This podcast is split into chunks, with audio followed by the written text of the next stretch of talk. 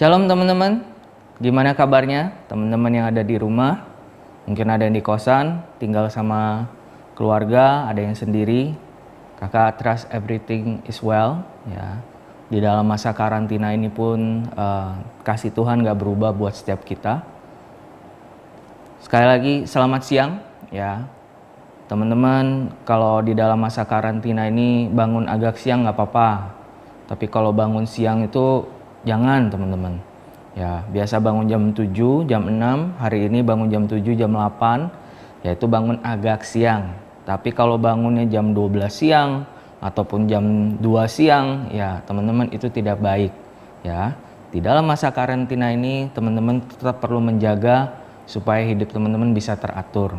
Ya, Jumat lalu setiap kita sudah berkumpul di dalam komsel, kita merenungkan tentang kematian Kristus, kita mengambil bagian di dalam roti dan anggur ya yang adalah tubuh ya dan darah Kristus sendiri. Kakak percaya setiap kita dikuatkan dan diteguhkan ya untuk merenungkan bahwa kasih Bapak buat setiap kita sudah dicurahkan di kayu salib. Kakak sendiri secara personal, kakak sangat diteguhkan waktu membaca bagaimana orang Israel waktu mereka keluar dari pasca yang pertama mereka memakan domba Paskah dalam keadaan yang seperti apa, teman-teman? Berikat pinggang, berkasut, ya, memegang tongkat. Ya, teman-teman, kalau teman-teman mau makan, pasti pengennya yang PW, betul ya? Kalau bisa kaki diangkat, ya, walaupun itu sebenarnya nggak kurang sopan. Tapi itu ya lebih nyaman. Tapi teman-teman, orang Israel waktu itu di, dikatakan apa? Mereka memakan domba pasca mereka dalam keadaan yang ready teman-teman. Ya ready mode tapi hari-hari ini teman-teman ya jangan-jangan kita nggak ready. Nah kenapa? Pertama kenapa mereka harus dalam keadaan ready? Ya kakak personally renungin ini dan kakak dikuatkan. Bagaimana kakak melihat bahwa Tuhan kayak mengingatkan kita bahwa di dalam dunia ini kita ini cuma pendatang teman-teman. Dan apa yang menjadi fokus kita bukanlah untuk terus nyaman ya tinggal di dalam dunia dengan cara-cara dunia. Waktu itu orang Israel ada di Mesir, Mesir gambaran dunia. Nah, Tuhan mengingatkan buat setiap kita teman-teman, untuk kita apa? Kita perlu fokus. Karena rencana Tuhan bukanlah untuk kita ada di tinggal di dunia. Tinggal dengan cara dunia. Tinggal ya kalau orang Israel tinggal dengan cara hidup orang Mesir mereka disuruh buru-buru. Fokus mereka adalah kepada janji Tuhan. Teman-teman hari ini, apakah fokusmu tetap pada janji Tuhan? Tetap fokusmu kepada kala melakukan kehendak Allah. Fokusmu tetap mengejar dan melakukan kehendak Allah, mengusahakan kehendak Allah itu terjadi pertama di dalam hidupmu dan kemudian melalui hidupmu. Teman-teman, atau di dalam masa karantina ini, Ya, kebanyakan dari kita bukan ready mode, tapi apa? Santuy mode. Udahlah, santai aja. Ya, nggak usah ngapa-ngapain. Memang sekarang diam di rumah, nggak ngapa-ngapain seakan-akan sebuah kebenaran dan sesuatu yang ya bahkan dipuji teman-teman. Tapi hari ini kakak percaya, bahkan di dalam keadaan tidak bisa keluar rumah, kita tetap bisa melakukan kehendak Allah. Fokusmu perlu kepada kehendak Allah. Nah, kakak hari ini mau membagikan teman-teman ya dari sebuah perikop ya. Kalau teman-teman ada di dalam komsel, perikop ini sudah dibahas uh, hampir dua minggu teman-teman ya. Dari Efesus 3 ayat 14 sampai 21 itu adalah doa Paulus. Tapi kakak hari ini mau mengambil ayat ini menjadi sebuah mm, perenungan yang kakak berdoa bisa menjadi sesuatu yang personal buat teman-teman ya. Hari ini sharing kakak kalau mau ada judul topiknya ya. Minggu ini kita mulai masuk kepada topik ya. Seri God God's flows through me ya. Subtopik hari ini adalah love over fear ya. Kasih melampaui ya. Lebih daripada ketakutan. Hari ini teman-teman kita mau membaca dari Efesus 3 ayat 14 21. Kalau teman-teman bisa buka Alkitabmu ya sambil membuka screen YouTube ini Teman-teman bisa buka Alkitab, kita baca sama-sama dan berdoa, kakak berdoa supaya Roh Kudus juga berbicara buat setiap kita. Ya, kakak bacakan. Efesus 3 ayat 14 sampai 21. Itulah sebabnya aku sujud kepada Bapa, yang daripadanya semua turunan yang di dalam surga dan di atas bumi menerima namanya. Aku berdoa supaya ia menurut kekayaan kemuliaannya menguatkan dan meneguhkan kamu oleh rohnya di dalam batinmu. Sehingga oleh imanmu Kristus diam di dalam hatimu dan kamu berakar serta berdasar di dalam kasih. Aku berdoa supaya kamu bersama-sama dengan segala orang kudus dapat memahami betapa lebarnya dan panjangnya dan tingginya dan dalamnya kasih Kristus dan dapat mengenal kasih itu sekalipun ia melampaui segala pengetahuan. Aku berdoa supaya kamu dipenuhi di dalam seluruh kepenuhan Allah. Bagi dialah yang dapat melakukan jauh lebih banyak daripada yang kita doakan atau pikirkan. Seperti yang ternyata dari kuasa yang bekerja di dalam kita. Bagi dialah kemuliaan di dalam jemaat dan di dalam Kristus Yesus turun-temurun sampai selama-lamanya. Amin. Ya, teman-teman kalau kita uh, melihat kembali ayat ini, kita bisa mengerti teman-teman bahwa ini adalah doa Paulus bagi pekerja, jemaat dan pemimpin di gereja Efesus. Doa ini kalau teman-teman perhatikan, doa ini sangat personal. Doa ini sangat pribadi bahkan buat Paulus. Kenapa? Kita percaya Paulus sangat mengasihi jemaat Tuhan itu adalah jemaat yang apa? Yang dia beritakan Injil. Yang mereka mendengar Injil dari Paulus dan Paulus sangat mengasihi mereka dan di dalam doanya teman-teman bayangin menuliskan doa itu sesuatu yang sangat personal. Ya bahkan kalau kita lihat teman-teman di ayat 14 ya itulah sebabnya teman-teman butuh mengerti kenapa Paulus berdoa seperti itu ya kenapa dia berdoa seperti itu ya. Ayat 14 dibilang itulah sebabnya. Artinya apa? Ini dia bicara tentang ayat-ayat sebelumnya, teman-teman. Dan perikop sebelumnya berbicara tentang rahasia panggilan orang-orang bukan Yahudi. Siapa orang-orang itu, teman-teman? Ya, itu adalah orang-orang yang bukan dari latar belakang Yahudi. Mereka adalah apa? Kalau kita sering dengar ini adalah gereja Gentiles. Church Gentile Church, ya. Orang yang bukan latar belakang Yahudi, Yunani mungkin waktu itu, Kreta, ya orang Arab waktu itu yang juga mendengar Injil. Nah, sama seperti mereka, teman-teman. Itulah kita. Kita bukan orang yang dari latar belakang Yahudi, tetapi apa yang dikatakan di perikop sebelumnya, teman-teman, bahwa kepada orang-orang yang bukan Yahudi, mereka juga mendapat hak menjadi ahli waris dalam janji Tuhan. Mereka mendapat hak di dalam panggilan Tuhan.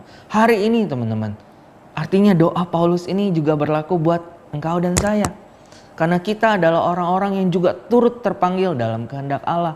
Kita juga adalah orang yang turut terpanggil dalam panggilan dia teman-teman. Nah hari ini kita mau melihat bagaimana Paulus berdoa. Teman-teman buat orang Israel waktu itu. Kalau mereka berdoa dalam posisi sujud. Ya aku sujud kepada Bapak. Teman-teman akan mengerti. Gesture ini bukan sekedar gesture yang biasa kalau orang Yahudi berdoa sampai sambil dia sujud, artinya dia sedang melakukan doanya dalam permohonan dengan kesungguhan hatinya. Nah, hari ini teman-teman dia berdoa lagi kepada siapa? Kepada Bapak. Wow. Sangat personal. Dia berdoa bukan kepada Tuhan yang jauh, tepat tetapi kepada Bapak. Dan dia bilang apa? Bapak yang apa? Daripadanya semua turunan dalam surga dan atas bumi menerima namanya. Teman-teman dia mengakui Tuhan berdaulat atas segalanya. Dari Tuhanlah semua yang baik dinyatakan. Karena dia adalah Tuhan yang adalah Bapa. Teman-teman dalam situasi yang hari ini. Mari kita lihat doa Paulus. Ada Bapak teman-teman. Ada Bapak yang tetap sanggup mendatangkan kebaikan dalam hidupmu. Ada Bapak yang tetap sanggup mengerjakan panggilannya di dalam hidupmu ada apa-apa yang tetap sanggup melakukan apa yang menjadi kehendak Allah di dalam hidupmu teman-teman. Hari ini kakak personally waktu renungin ayat-ayat ini. Baru ayat yang pertama dan kedua teman-teman. Kakak begitu dikuatkan. Betapa personalnya. Teman-teman hari ini dalam situasi ini, are you getting more personal with God? Are you getting personal with God? Kalau dulu teman-teman suka bilang, ah nggak ada waktu baca Alkitab, ah nggak ada waktu doa, ah nggak ada waktu untuk spend time dengar suara Tuhan. Teman-teman, now you got all the time that you need. Tapi teman-teman hari ini, do you get personal with God? More and more personal with God. Minggu lalu kakak share dalam rekaman audio ya di dalam Mazmur 23 waktu Daud masuk dalam lembah kelam dia justru makin personal sama Tuhan. Nah teman-teman sekali lagi are you getting personal with God? Nah hari ini kita lanjut teman-teman ya kalau nggak nggak kelar rekamannya panjang sekali ya kita mau lihat teman-teman ya dia berdoa dia lanjutin doanya apa ayat yang ke-16 aku berdoa supaya ya iya ya supaya apa? Supaya Tuhan Bapak menurut kekayaan kemuliaannya. Wow teman-teman. Ya, ayat ini aja begitu powerful lagi. Dia bilang apa teman? Dia berdoa ya supaya Bapak ya dia mau berdoa ke, buat jemaat teman-teman. Dia mau berdoa buat kita. Tapi teman-teman perhatiin dia berdoa berdasarkan apa? Dia berdoa supaya Bapak menurut berdasarkan kekayaan kemuliaannya. Dia nggak berdoa gini teman-teman, dia nggak berdoa buat jemaat Efesus yang rajin. Tuhan, lihatlah jemaat Efesus udah rajin, mereka sungguh-sungguh. Tuhan, lihatlah jemaat R&D real udah sungguh-sungguh. Enggak, teman-teman. Ya. Tapi dia berdoa berdasarkan apa? Berdasarkan kekayaan kemuliaannya.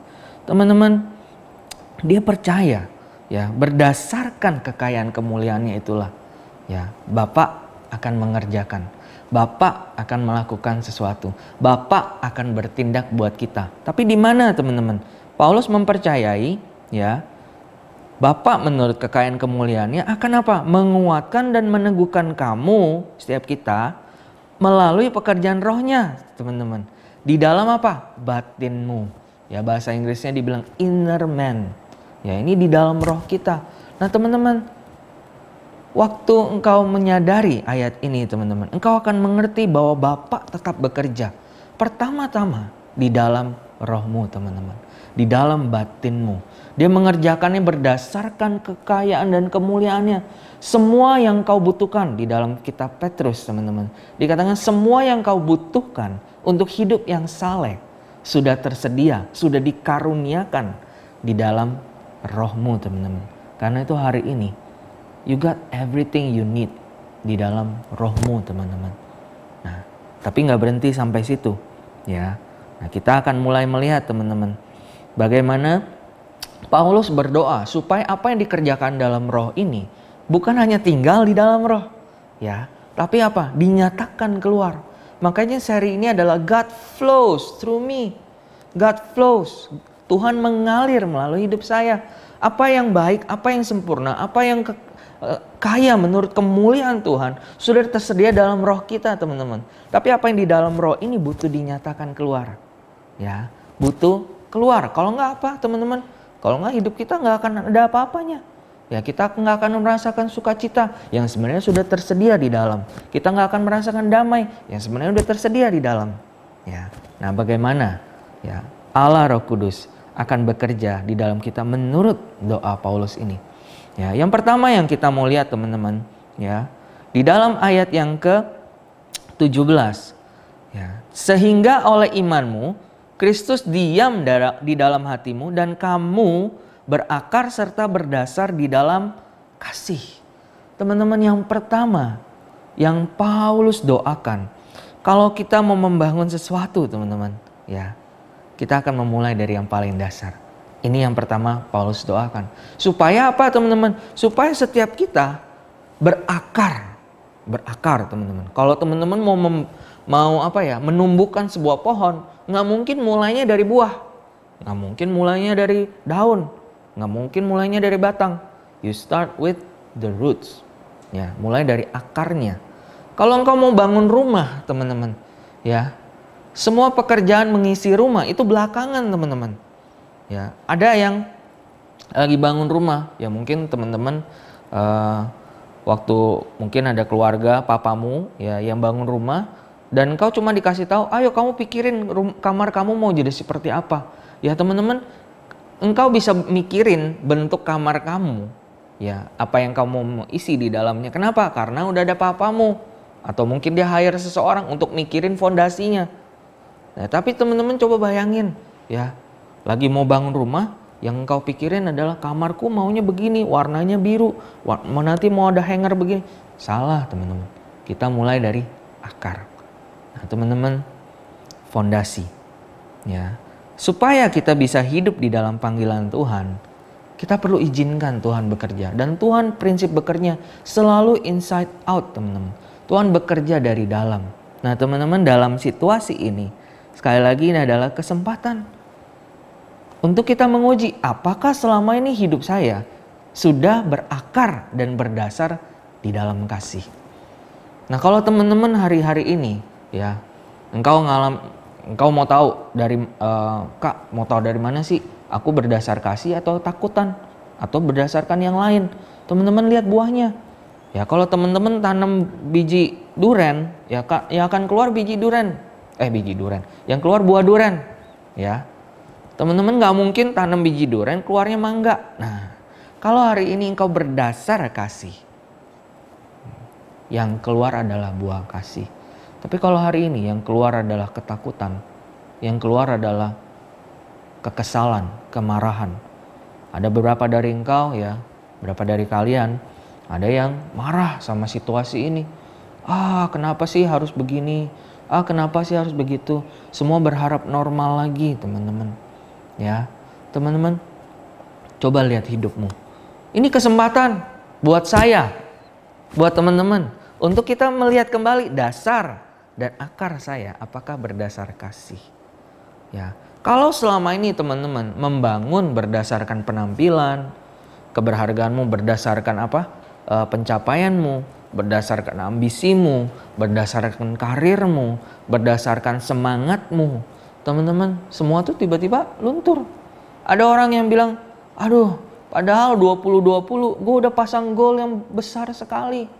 Ya, seakan-akan goal setting ya kebanyakan dari kita ya most of us nggak lakukan sih teman-teman ya tapi teman-teman di awal tahun seakan-akan digagalkan di awal teman-teman nah kita mulai ngomong ya padahal tahun ini gue mau semangat ya padahal gue tahun ini mau uh, mengejar karir baru tahun ini gue mau perbaikin cara hidup gue teman-teman it's not too late engkau tetap bisa memperbaiki cara hidupmu ya sepanjang kau berdasar kasih teman-teman ya. Tapi kalau kita berdasarkannya hal yang lain, ya hari ini akan yang beda lain beda teman-teman yang keluar. Yang keluar adalah engkau jadi apa? Ya udahlah percuma. Ya PHP lah. Udah sekarang apa? Pasrah aja. Lewatin aja ini. Ya nanti deh. Nanti waktu situasi uh, karantina ini udah selesai, baru deh nanti ngapa-ngapain. Teman-teman, kasih nggak akan seperti itu. 1 Yohanes 4 ayat 18 di dalam bilang gini, di dalam kasih tidak ada ketakutan. Kasih yang sempurna melenyapkan ketakutan. Sebab ketakutan mengandung hukuman dan barang siapa takut, ia tidak sempurna, teman-teman. Nah, hari ini kita punya yang lain, teman-teman, penampilan, pencapaian segala macam. Tapi kakak hari ini classified aja. Kalau engkau nggak membangun dengan kasih, artinya engkau membangun dengan ketakutan. Kenapa teman-teman? Banyak orang yang berpikir kak gue nggak takut kok tapi teman-teman sebenarnya kita menjalani hidup kita berdasarkan perspektif takut apa sih perspektif takut ya kita punya mental perspektif yang selalu dalam situasi status yang kurang kurang berharga kurang pintar ya ataupun teman-teman ya sudah mencapai sesuatu ya masa gue kurang pintar kak di kelas gue ranking satu tapi teman-teman akan kenal lagi peribahasa di atas langit ada langit Nah teman-teman akan ngerasa lagi, iya ya gue kurang pinter lagi, kurang pinter lagi, kurang pinter lagi, kurang gaul, kurang ini, kurang itu, ketinggalan.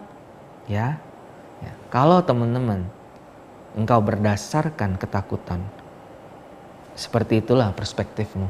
Mungkin teman-teman waktu engkau penuh dengan aktivitas, engkau tidak menyadari hal ini. Engkau mungkin melihat, enggak kok, gue driven banget, gue produktif banget. Tapi teman-teman coba lihat, Waktu semua ini diambil. Apakah ternyata engkau merasa you are less? You are less valuable. You are less productive. You are less. Tapi kalau engkau berdasar kasih, kalau engkau berdasar kasih teman-teman, ya engkau akan aman. You are, you will be secure.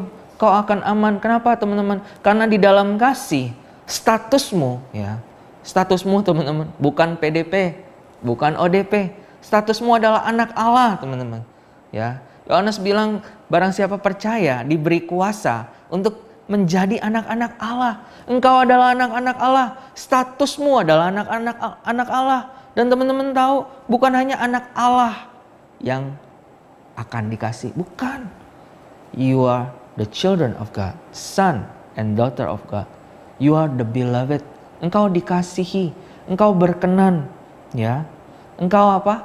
Kebanggaan buat Bapak. Ya, Kakak bicara konteks apa yang di dalam rohmu, teman-teman. Ya, darah Yesus adalah jaminan bahwa kita sudah berkenan di hadapan Dia, teman-teman. Nah, teman-teman hari ini apakah engkau hidup dengan status dan identitas ini? Engkau hidup dengan identitas anak Allah. Identitas ini adalah fondasi di dalam hidupmu teman-teman.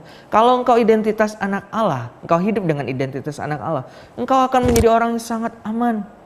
Ya. Bahkan ini adalah waktu yang sangat baik. Engkau bisa menyanyikan Christ is enough for me. Is it?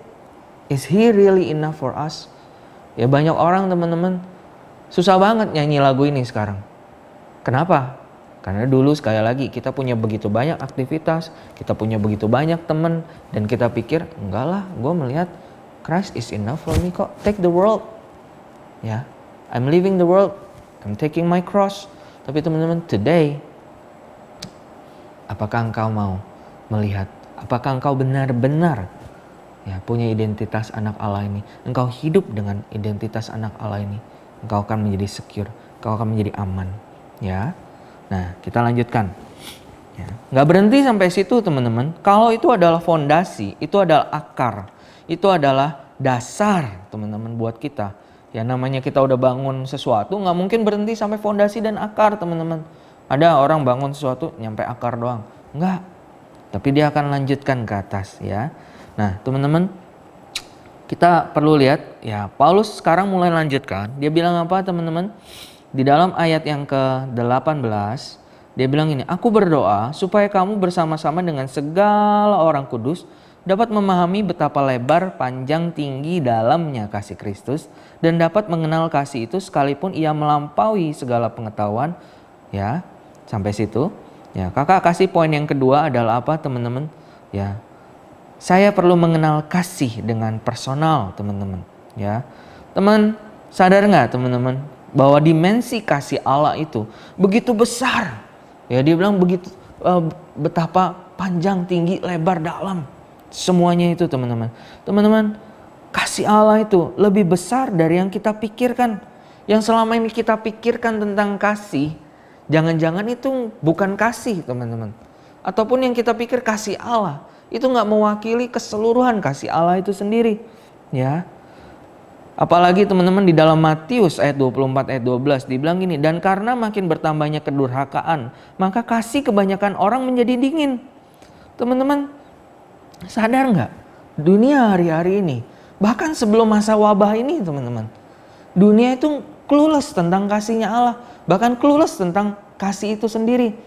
Ya, dulu kita apa? Banyak orang mendefine kasih cuma berdasarkan apa? Berdasarkan sosmed berdasarkan unfriend atau di friend, di follow atau di unfollow. Waktu engkau di unfollow sama satu orang, aduh gila ini orang nggak mengasihi gue. Emang gue butuh kasih lu, gue juga nggak mengasihi lu, gue unfollow balik. Ya teman-teman seakan-akan itu akan membuat hidup dia lebih buruk teman-teman. Ya teman-teman, hanya dilihat dari sosmed, like, dislike, share atau nggak share, ya. Di caption apa di screenshot terus di di repost lagi teman-teman. Atau apa teman-teman? Ya kita hanya berpikir kasih itu cuma sekedar apa? Sekedar chemistry. Wah dia selalu agree dengan apa yang gue mau. Dia selalu punya sesuatu yang klik buat gue cocok banget buat gue ya. Kita mau kita mendefine kasih itu cuma sekedar apa? Sekedar uh, mungkin dia selalu available teman-teman pernah pikir nggak? Si dia kenapa available sama kamu? Jangan-jangan dia emang kurang kerjaan. Karena dia sendiri kosong. Tapi teman-teman kita mendefine diri kita suka itu sebagai kasih. Teman-teman kasih Allah itu begitu besar begitu tinggi begitu dalam begitu panjang begitu lebar. Nah, buat kita memahaminya makanya doa Paulus seperti itu. Dia berdoa kita memahaminya teman-teman mengalaminya, memahaminya. Nah teman-teman, kita nggak bisa ya memahami seorang diri karena dibilang apa teman-teman? Memahami bersama segala orang kudus. Bersama-sama di dalam kebersamaan teman-teman. Nah di dalam masa ini teman-teman bisa tetap bersama kok. Ya, kita walaupun terbatas masih bisa teman-teman. Kita masih bisa secara virtual walaupun saya percaya itu nggak bisa menggantikan teman-teman. Tapi Bahkan kebersamaan itu adalah di dalam kita juga, teman. Kita melihat bahwa saya bersama-sama, ya. Minimal teman-teman di di rumahmu ada keluargamu. Bersyukurlah kalau teman-teman kau adalah keluarga orang percaya. Artinya apa? Engkau bisa menghidupi ini langsung di dalam keluargamu. Ya, engkau bisa bersama dengan papamu, mamamu yang juga adalah orang kudus, the saints. Ya, kakak nggak bicara tentang uh, kesak apa uh, apa yang di luar, tapi secara status di dalam roh mereka juga adalah orang kudus, orang percaya, orang yang dikuduskan. Nah teman-teman, engkau bisa saling membangun bersama mereka, bersama mereka engkau bisa memahami kasih Allah, teman-teman. Ya, apalagi teman-teman di dalam wabah ini, kakak percaya dunia akan berubah, teman-teman. Ya, bukan hanya soal krisis dan segala macam, Teman-teman hari ini semua sebenarnya benar-benar terbalik. Siapa yang bisa sangka sebulan lalu seperti ini? Ya, kita udah hampir sebulan loh teman-teman dalam masa karantina ini. Ya. Tapi teman-teman hari ini salaman itu menjadi sesuatu yang salah. Bersentuhan jadi sesuatu yang salah. Deket-deket jadi sesuatu yang salah. Ya teman-teman. Stay di rumah mendekam di rumah menjadi sesuatu yang benar. Wah kakak lagi nentang arahan pemerintah ya? Enggak teman-teman, kakak nggak lagi ngomong soal itu.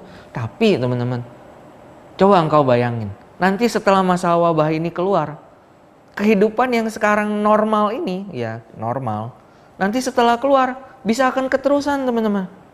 Ya, waktu kita membangun kebiasaan butuh 40 atau sampai 50 hari. Nah teman-teman, waktu kita masa ini, ya ini akan menjadi sesuatu yang normal. Buktinya teman-teman, kak, kakak percaya Pasti banyak dari engkau awalnya engkau nggak betah di rumah. Tapi kalau mau jujur, sekarang lebih betah kan? Sekarang lebih nyaman kan? Sekarang bahkan engkau apa?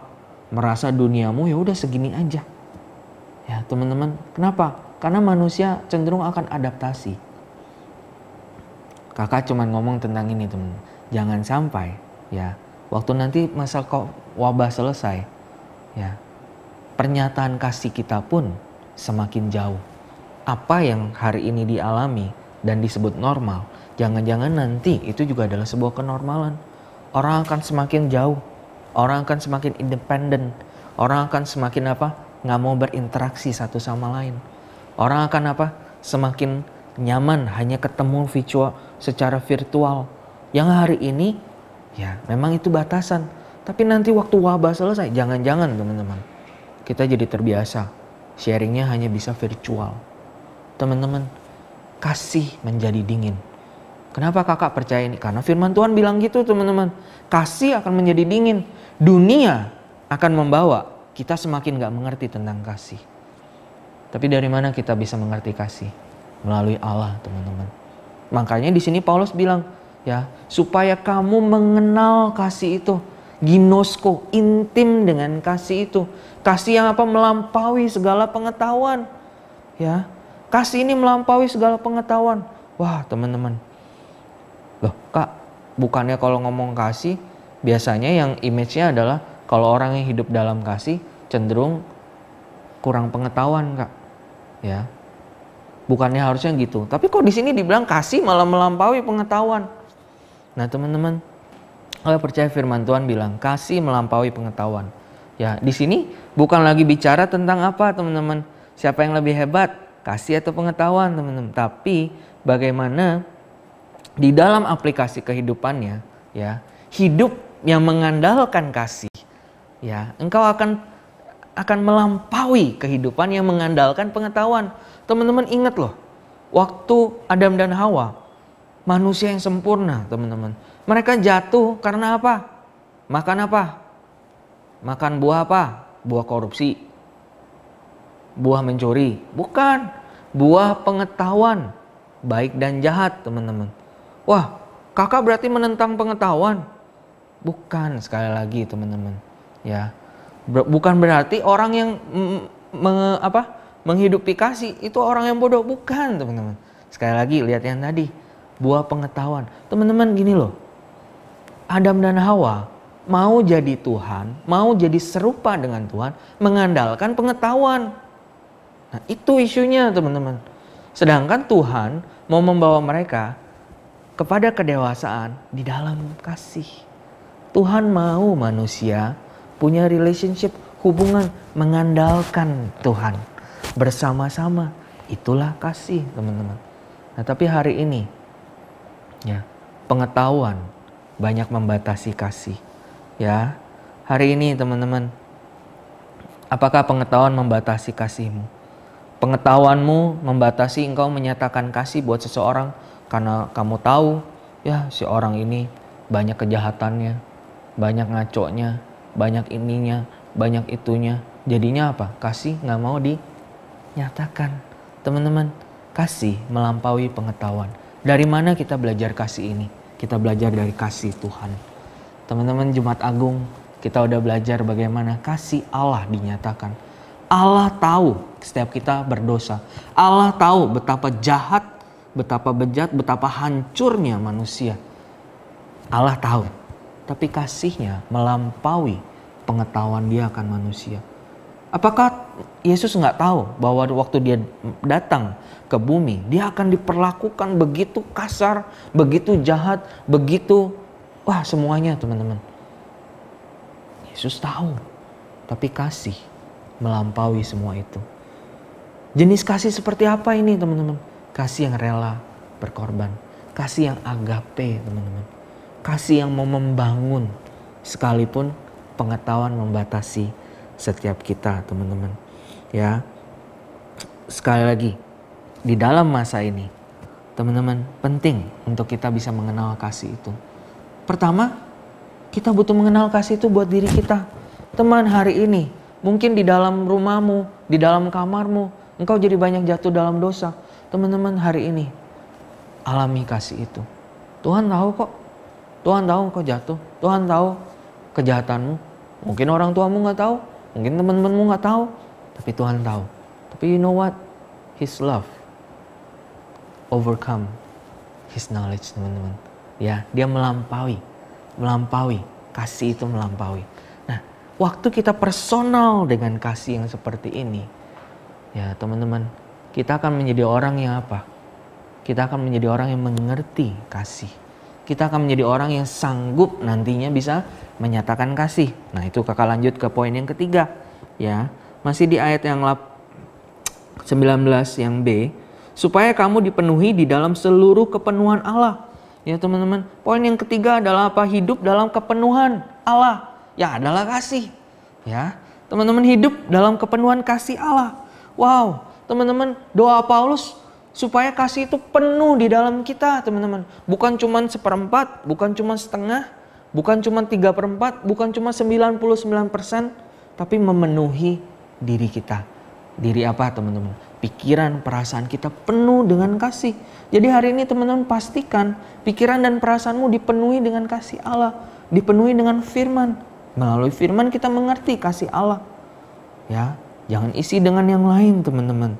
Ya, jangan jangan mengandalkan yang lain. Nah, tapi teman-teman kita lanjut ya. Waktu kasih itu memenuhi kita, ya, kasih itu nggak akan berhenti Kasih itu akan meluber keluar teman-teman. Kasih itu akan membangun. Banyak orang suka pikir kasih itu pasif. Tapi you know what? Tuhan udah menyatakan justru Allah yang adalah kasih ini. Dia nggak berhenti. Dia bahkan turun dari surga. Dia menyatakan kasihnya. Dia menyatakan teman-teman pengorbanannya. Dan bahkan teman-teman ya kasih kalau dibilang kasih itu lemah. Kasih nggak bisa mati teman-teman. Hari ini kita merayakan kebangkitan Kristus. Kita hari ini merayakan love triumph over death teman-teman Tuhan mengalahkan maut. Nah hari ini kasih begitu powerful teman-teman. Waktu kita hidup di dalam kasih yang seperti ini, kasih ini akan kelihatan. Kasih ini nggak akan pasif. Kasih ini nggak akan apa? Dibatasi. Tapi kasih ini akan dinyatakan keluar. Kepada siapa teman-teman? Pertama pasti kepada orang-orang yang dekat sama kita. Hari ini teman-teman, Apakah engkau mau menyatakan kasih itu? Buat siapa? Buat orang-orang sekitarmu. Pertama sekali lagi buat orang tuamu, buat keluargamu. Teman-teman, kalau selama ini hubunganmu rusak sama orang tua, hari ini bukankah ini waktu yang terbaik? Engkau bisa menyatakan kasih buat mereka. Keluar dari kamarmu, nyatakan kasih. Share firman, kalau mereka adalah orang percaya. Kalau mereka belum percaya, apalagi teman-teman. Ya, Izinkan kasih itu melampaui pengetahuanmu akan apa yang kau apa yang kau tahu tentang mereka. Mungkin kau taunya, ah dia mah orang yang nyebelin. Ah papa mah nggak pernah ngerti aku. Ah mama mah nggak pernah mau ngerti aku. Engkau tahu mereka seperti itu. Tapi kasih itu akan membawa engkau melampaui semua itu. Kemarin ada satu anak cute teman-teman cerita, ya dia cerita teman-teman bagaimana uh, waktu dia lagi di masa karantina dia bosan sekarang eh ada temennya kontak dia teman-teman diajak video call.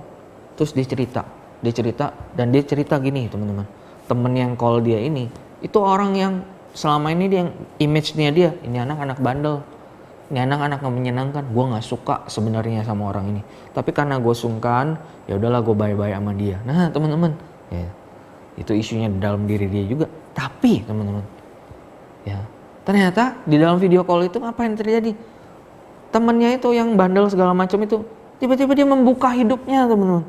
Dia cerita, wah gue di masa karantina ini nggak bisa keluar, ya mau nggak mau gue harus hadapin rumah gue, keluarga gue yang broken home. Teman-teman, kalau selama ini banyak teman-temanmu yang waktu mereka ngalamin ketidakidealan di rumah, mereka bisa lari ke aktivitas yang lain mereka keluar ekspresiin kebandelan dalam kebandelan mereka. Hari-hari ini mereka sedang apa? Mereka sedang ter tanda kutip terpenjara, teman-teman. Mereka harus menghadapi broken home-nya mereka. Mereka harus menghadapi kesedihan mereka. Mereka harus menghadapi kemarahan mereka. Mereka harus menghadapi semua itu. Bukankah ini waktu yang baik? Bukankah ini Yesaya 60 ayat 1 2 bisa terjadi melalui hidupmu teman-teman? Ya bangkitlah menjadi teranglah sebab terangmu datang dan kemuliaan Tuhan terbit atasmu. Sebab sesungguhnya kegelapan menutupi bumi dan kekelaman menutupi bangsa-bangsa. Tetapi terang Tuhan terbit atasmu dan kemuliaannya menjadi nyata atasmu. Tapi teman-teman pertanyaannya relakah engkau berkorban? Rela nggak engkau mengizinkan kasih melampaui pengetahuanmu akan orang itu? Dan kau bisa menyatakan kasih kepada orang lain Terakhir kakak mau tutup ya dengan doanya Paulus tentunya. Kalau nggak nggak selesai teman-teman ya. Bagi dialah yang dapat melakukan jauh lebih banyak daripada yang kita sorry, bagi dialah yang dapat melakukan jauh lebih banyak daripada yang kita doakan atau pikirkan, seperti yang ternyata dari kuasa yang bekerja dalam kita. Bagi dialah kemuliaan di dalam jemaat dan di dalam Kristus Yesus turun temurun sampai selama-lamanya. Ya, teman-teman, kalau kita lihat ayat ini lagi, Buat apa sih kita mengizinkan kasih? Nah ini nggak lari teman-teman. Tetap inline dengan doa Paulus. Untuk apa dia berdoa? Dia berdoa supaya kita hidup dalam panggilan Tuhan. Supaya kita bisa memperoleh kepenuhan dari warisan Tuhan. Yaitu bangsa-bangsa teman-teman. Tapi untuk apa semua itu? Bagi dialah. For his glory, not for my glory. Bagi dialah teman-teman yang dapat melakukan jauh lebih banyak daripada yang kita doakan atau pikirkan. Teman-teman perhatiin. Seperti yang ternyata dari kuasa yang bekerja dalam kita. Teman-teman dalam bahasa Inggrisnya His working power. Teman-teman butuh mengerti bahwa doa Paulus berdasarkan kepada kekayaan dan kemuliaannya Allah Bapa, hati Bapa sendiri. Hati Bapa apa? Bapak mau engkau hidup dalam kemuliaan. Bapak mau. Karena dia mau, dia bekerja. Teman-teman percaya nggak? Roh Allah tetap bekerja di dalam engkau. Roh Allah tetap mengingatkan engkau. Roh Allah berbicara di dalam hatimu. Waktu engkau lagi habisin waktu nonton Netflix teman-teman. Sebenarnya ada roh Allah yang sedang bicara. Come on, spend time with me. Come on, renungin firmanku. Come on, alamin pewahyuan. Come on, I want to work in your life. Teman-teman, ikuti suara itu. Tuhan sedang bekerja dalam hidupmu. Kakak percaya teman-teman. Bahkan di dalam masa karantina ini. Mungkin ini bisa sebulan, dua bulan. Who knows? Bisa jadi sampai akhir tahun who knows teman-teman tapi teman-teman kalau saya hidup di dalam panggilan Tuhan karantina nggak karantina not a big deal I'm secure aku adalah anak Allah yang dikasihi dan aku memiliki panggilan Allah dan aku hidup dengan otoritasnya Allah teman-teman hari ini ya Tuhan mau kita hidup dalam panggilannya dan dia terus bekerja pertanyaannya Maukah engkau mengizinkan dia bekerja? Panggilan Allah sebenarnya adalah versi terbaik dari hidup kita, teman-teman. Maukah kita mengizinkan hidup kita mengalami hal itu? Ya, kakak berdoa supaya hari ini doa Paulus ini personal buat Paulus, personal buat kakak. Tapi kakak berdoa ini juga personal buat engkau. Amin. Ya. Teman-teman, ya sekali lagi masa karantina ini mungkin akan panjang tapi kakak mau encourage setiap kita teman-teman jangan tinggalkan kebersamaan ya hari ini masih terbatas secara virtual it's fine teman-teman ya kita nggak sedang sok berkorban wah kak harus hidupin kebersamaan ya udah dong kita hidup bersama-sama itu namanya rada sok berkorban teman-teman ya sok berkorban itu supaya terlihat berkorban tapi kita rela berkorban. Nah, itu beda. Fokusnya adalah Tuhan, kasih Tuhan dan sesama. Nah, teman-teman, walaupun terbatas, tetap dalam kebersamaan. Ya, hubungi pemuridmu, hubungi PKSmu. Kalau engkau udah lama nggak komsel, ini waktu terbaik untuk kau kembali berkomsel, teman-teman. Atau engkau yang nonton uh, video ini, engkau belum komsel, engkau juga boleh hubungin, engkau boleh join. Tapi sorry, kalau belum bisa langsung ketemu secara langsung, ya kita melalui virtual ya. Tetap dalam kebersamaan.